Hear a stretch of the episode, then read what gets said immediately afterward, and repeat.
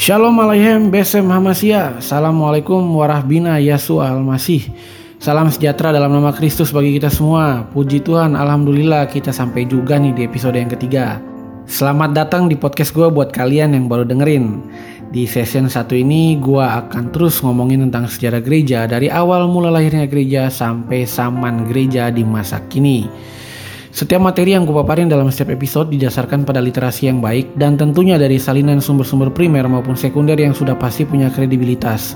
Supaya setiap kalian yang ngedengerin podcast gue ini terhindar dari berita hoax maupun disinformasi yang menyesatkan. Oke, di episode ketiga ini gue akan ngebahas tentang zaman sesudah para rasul yang terdiri dari bentuk pemerintahan gereja, kebaktian, ajaran dan kebajikan, bapak-bapak rasuli, ajaran sesat Gnostik dan ajaran sesat Markion. Yuk, langsung aja out guys. Pada masa ini, gereja bukan saja memandang kepada dirinya sendiri, tetapi mereka merasa terhisap kepada suatu persekutuan yang luas dan am. Am atau yang kita kenal Katolik artinya universal, yaitu tidak terbatas kepada suatu kaum atau golongan, suku ataupun ras maupun status sosial. Gereja menganggap dirinya sebagai tujuan ciptaan Allah, suatu alat Tuhan untuk menyelamatkan dunia, yaitu Israel yang rohani dan yang benar. Pada mulanya, pemerintahan gereja hanya diatur oleh para rasul yang diketuai oleh Rasul Petrus. Tetapi setelah gereja makin berkembang, masalah yang dihadapi gereja menjadi semakin banyak dan kompleks maka sistem yang hanya diatur dan dikerjakan oleh para rasul dirasakan sudah tidak dapat dipertahankan lagi. Kesadaran ini muncul tatkala adanya masalah keributan yang disebabkan para janda Yahudi yang berbahasa Yunani merasa bahwa pembagian kesejahteraannya diabaikan. Di dalam kisah para rasul pasal 6, dipilihlah tujuh orang untuk membantu para rasul di bidang kesejahteraan umat. Dan mulai sejak itu, gereja bertumbuh dengan sistem pemerintahan atau yang kita kenal dengan organisasi gerejawi. Bentuk organisasi atau tata gereja diperkembangkan gereja berdasarkan organisasi yang terdapat di rumah-rumah ibadat Yahudi atau yang kita kenal dengan nama sinagog. Ataupun berdasarkan yang ada di masyarakat seperti yang sudah pernah disinggung di episode yang pertama. Sinagog Yahudi dipimpin oleh majelis orang-orang tua dalam bahasa Yunani disebut prebisteros atau tua-tua atau bisa juga disebut penatua. Perhimpunan-perhimpunan di masyarakat Helenis dipimpin oleh pengawas atau penilik. Dalam bahasa Yunani disebut episkopos atau uskup yang dibantu oleh beberapa orang pembantu atau pelayan yang dalam bahasa Yunani disebut diakonos atau yang kita kenal saat ini diaken. Tata gereja yang menjadi hasil perkembangan ini yang diterima di seluruh gereja adalah episkopal. Dibedakan menjadi tiga jabatan, yaitu uskup atau episkopos, prebisteros, dan diakonos, yang merupakan suatu hierarki atau susunan tingkatan pangkat di dalam gereja pada saat itu. Uskup dianggap lebih tinggi dari prebisteros, dua-duanya lebih tinggi dari diakonos. Setiap jemaat atau gereja di suatu tempat dipimpin oleh satu episkopos yang dipilih dari antara para prebisteros. Kuiper dalam bukunya yang berjudul The Church in History mengatakan bahwa gelar uskup telah diberikan kepada presbiter yang pada waktu itu menjadi pimpinan dewan presbiter. Karena itu, para presbiter lain secara berangsur-angsur menjadi lebih rendah dari presbiter yang adalah penilik mereka sehingga menjadikan uskup mulai menjadi pemimpin gereja dengan kepemimpinan tunggal pada saat itu. Semenjak tahun 250 diadakanlah sinode-sinode daerah. Oleh karena kekristenan berkembang dari ibu kota metropolis, maka tentulah sinode berhimpun di sana dan sidang-sidangnya diketuai oleh uskup kota itu yang bergelar metropolit. Nama itu digunakan di wilayah timur, Sedangkan di wilayah barat menggunakan istilah uskup agung. Selain itu ada beberapa uskup yang cukup dihormati oleh karena berasal dari kota-kota yang menjadi pusat pekabaran Injil. Terlebih lagi kota-kota tempat rasul-rasul atau murid-muridnya sendiri bekerja dahulu, yaitu kota Yerusalem, Antioquia, dan kota Roma. Di antara jemaat-jemaat yang penting tadi, Roma lah yang paling diutamakan. Dikarenakan Rasul Petrus dan Rasul Paulus yang paling dihormati di dalam gereja telah bekerja dan mati syahid di situ. Oleh sebab itu, penggantinya, yaitu para uskup Roma, merasa bahwa diri mereka lebih mulia dan berkuasa daripada uskup-uskup yang lain. Tugas episkopos adalah mengatur kehidupan jemaat, memimpin ibadah, dan melayani sakramen-sakramen pada saat itu. Di bawah uskup, bekerja para presbiteros yang turut memimpin jemaat dan melayani sakramen di kemudian hari ketika jemaat-jemaat berkembang menjadi lebih besar, kepada para prebisteros dipercayakan pimpinan bagian-bagian jemaat yang lebih kecil. Uskup dan imam dibantu oleh para diakennya. Dalam ibadah, mereka membantu lebih banyak dalam hal pemberian. Diakonia yaitu pelayanan kepada orang sakit dan orang miskin.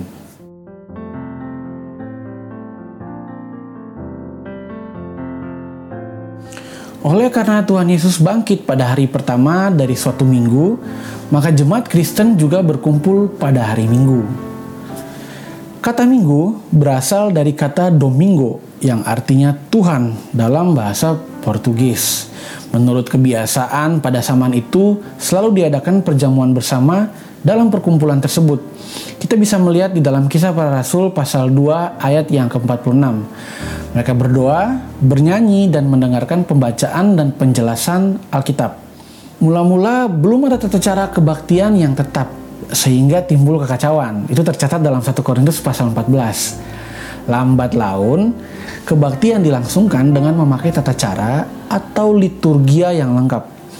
Bagian pertama terdiri dari doa, nyanyian, dan pembacaan firman Tuhan. Sesudah itu jemaat duduk untuk makan bersama-sama. Hidangan itu dianggap sebagai lanjutan perjamuan Tuhan Yesus dengan murid-muridnya. Jemaat meyakini bahwa Tuhan Yesus hadir dalam roti dan air anggur itu, sesuai dengan janjinya dalam perjamuan yang terakhir. Pemimpin kebaktian itu yang pada kemudian hari hanya uskup saja mengucapkan syukur atas roti dan cawan. Sebab itu, di dalam gereja timur maupun gereja barat, perjamuan itu disebut Eukaristia atau pengucapan syukur. Dengan berjalannya waktu dan penafsiran-penafsiran mengenai perjamuan ini yang mana dianggap suci, maka tidak mungkin lagi perayaan yang kudus ini dihubungkan dengan makan bersama-sama. Hidangan belas kasihan, di mana saudara-saudara yang miskin turut menikmati sajian oleh anggota-anggota yang berada, dipisahkan dari perjamuan atau eukaristia yang suci dan teratur itu. Sejak abad ketiga, prosesi makan beramai-ramai itu dihentikan di dalam liturgia gereja.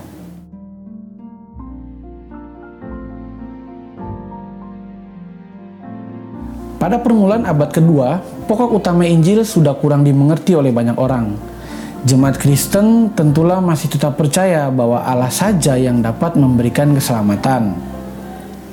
Tetapi yang dipentingkan sebenarnya bukanlah lagi kebenaran yang dianugerahkan oleh Tuhan, melainkan usaha dan perbuatan manusia untuk mencapai kebenarannya sendiri.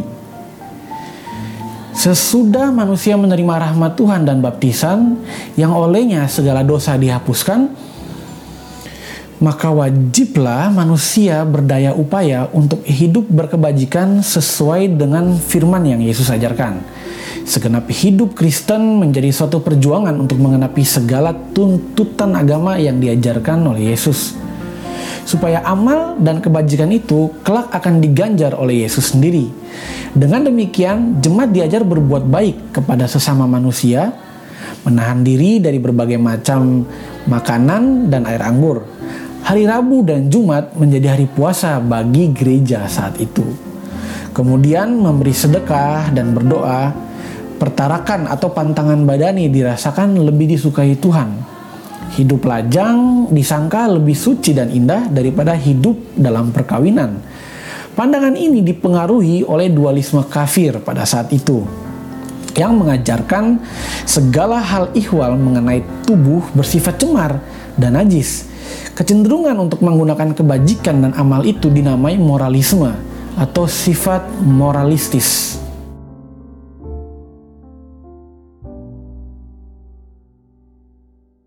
Setelah zaman para rasul, para pemimpin terkemuka di dalam gereja adalah bapak-bapak rasuli. Mereka disebut bapak-bapak rasuli karena mereka telah diajar secara pribadi langsung oleh para rasul. Beberapa di antara mereka adalah Clemens dan Hermas dari Roma yang merupakan murid langsung dari Rasul Petrus. Kemudian Ignatius dari Antioquia dan Polikarpus dari Smyrna yang adalah langsung murid dari Rasul Yohanes dan Barnabas dari Alexandria. Di era ini teologi dikembangkan sebab gereja dipaksakan oleh tantangan dari luar dan dari dalam untuk mempertanggungjawabkan imannya. Yang mempertanggungjawabkan iman dan menjadi teolog-teolog pertama belumlah orang-orang yang khusus dilatih untuk itu. Tetapi orang-orang yang terkemuka di jemaat karena kedudukan mereka yaitu uskup-uskup atau karena pendidikannya yaitu ahli-ahli filsafat yang masuk menjadi seorang Kristen. Tantangan dari luar datang dari filsafat Yunani yang menganggap agama Kristen adalah suatu kebodohan. Untuk membela diri terhadap kritik-kritik dari kebudayaan Helenisme ini, gereja mulai membuktikan bahwa kekristenan bukanlah suatu kebodohan, melainkan filsafat yang jauh lebih agung dan jalan yang benar kepada keselamatan yang sejati. Gereja juga dipaksa untuk membela ajaran yang ortodoks. Maksudnya adalah ajaran yang benar dan murni. Terhadap ajaran-ajaran yang sesat atau bidat-bidat yang pada saat itu muncul di dalam gereja. Ajaran sesat yang paling mengancam gereja pada saat itu adalah Gnostik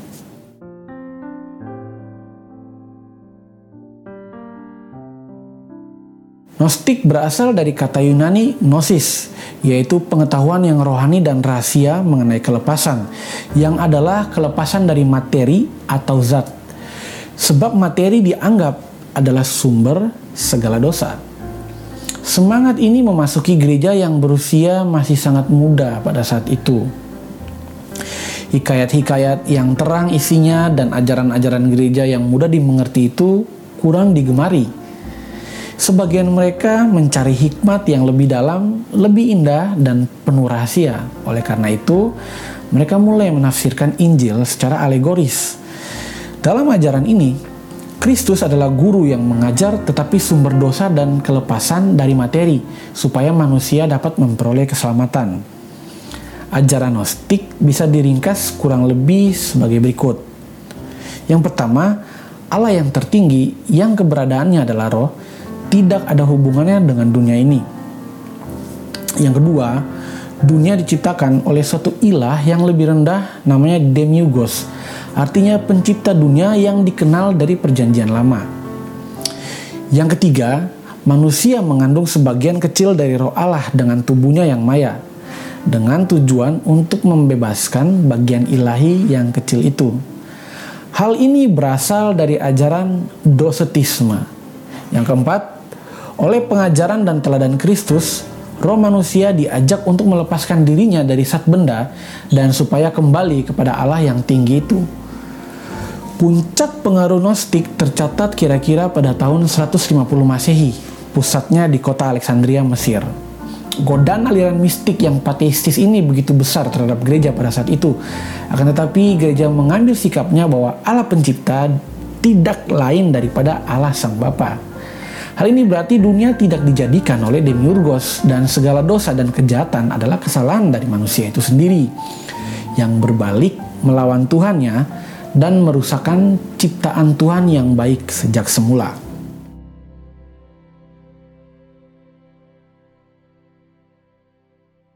Markion adalah seorang yang kaya di Bandar Sinope di pesisir Laut Hitam dan memiliki perusahaan perkapalan di daerah tersebut.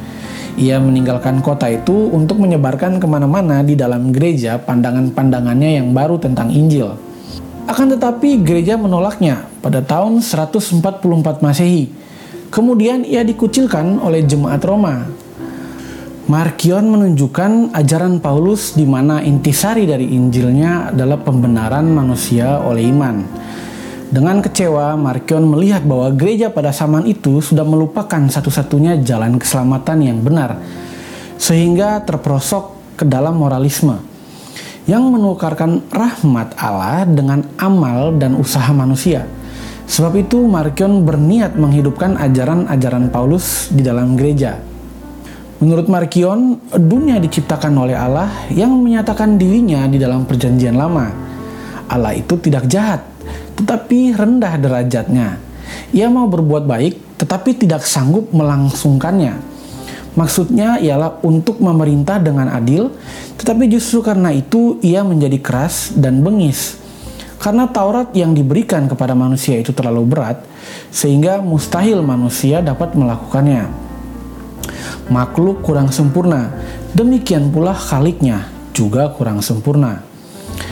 Tetapi walaupun demikian, Allah perjanjian lama ini menuntut kegenapan Tauratnya 100%, sambil mengenakan hukuman berat atas tiap-tiap pelanggaran.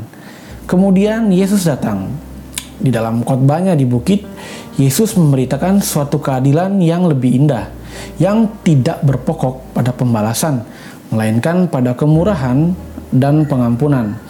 Oleh karena itu, menjadi nyata bahwa tentulah Yesus tidak diutus oleh Allah Perjanjian Lama, tetapi oleh Allah yang lain yang asing bagi dunia ini dan belum dikenal. Allah itu adalah Allah yang benar, yang maha tinggi. Meskipun Allah yang kedua ini tidak ada hubungannya dan bertanggung jawab atas nasib manusia, namun ia menaruh belas kasihan. Sehingga ia mengutus anaknya untuk membebaskan manusia dari tindakan khaliknya. Demikianlah Yesus turun ke bumi pada tahun 28 dengan memakai tubuh maya yang berasal dari ajaran Docetisme Allah pencipta merasa dirinya terancam. Sebab itu ia merancangkan pembunuhan Yesus di kayu salib. Tetapi dengan demikian ia melanggar Tauratnya sendiri karena Yesus baik dalam segala perkara. Sekarang ia dihukum menurut aturan pembalasannya sendiri. Ia harus menyerahkan kepada Allah pembebas tiap-tiap orang yang percaya akan Yesus. Segala orang itu dibenarkan oleh karena imannya dan mewarisi keselamatan yang kekal. Dengan demikian, percaya ialah menyangkal Allah Khalik dan menyerahkan diri kepada kasih Allah yang maha tinggi. Penyerahan itu berarti bahwa orang-orang Kristen patut menjauhkan diri dari dunia yang cemar ini dengan jalan bertarak atau beraskese atau menyiksa diri, menahan diri dari keinginan daging, minuman keras, bersetubuh dan sebagainya kita dapat melihat di sini bahwa ajaran Markion sedikit memberikan sumbangsi kepada gereja, yaitu pembenaran oleh iman. Akan tetapi, Markion kurang mengerti tentang teologi yang diajarkan oleh Rasul Paulus. Karena bagi Rasul Paulus, Allah dalam perjanjian lama yang memberi Taurat, ya adalah Allah yang sama saja dengan Allah yang ada dalam perjanjian baru, yang mengaruniakan rahmatnya di dalam diri anaknya Yesus Kristus. Siapa yang memisahkannya, dia sudah pasti merusak Injil. Sesuatu yang dapat dipelajari dari Markion ini adalah mengenai kanon Markion. Ia menolak perjanjian lama dan sama dengan Gnostik, ia membuang surat-surat Yesus atas kitab-kitab yang sah dan kitab-kitab yang tidak sah.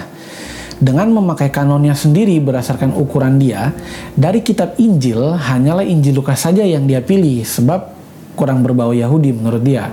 Tetapi riwayat Yesus dicoretnya oleh sebab latar belakang dosetisme yang dianut oleh dia. Dari surat-surat rasuli, hanya surat-surat Rasul Paulus saja yang dia pakai, kecuali surat kepada Timotius dan Titus. Sudah barang tentu, surat kepada orang Ibrani juga ditolaknya.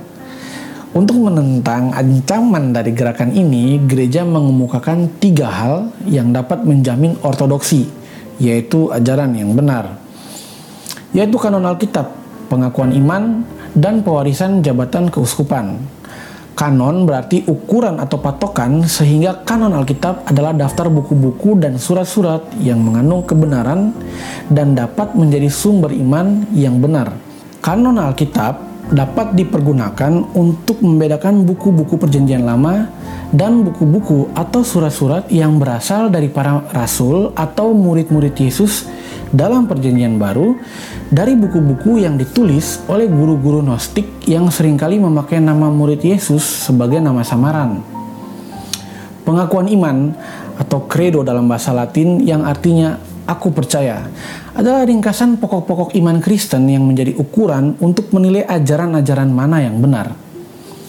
Pengakuan iman diperkembangkan dari pengakuan yang diucapkan oleh orang yang hendak dibaptis dan hampir bersamaan dengan pengakuan iman rasuli yang ditetapkan dalam konsili Nicea pada tahun 325 yang sampai hari ini diterima oleh semua denominasi gereja timur maupun gereja barat dengan semua turunannya.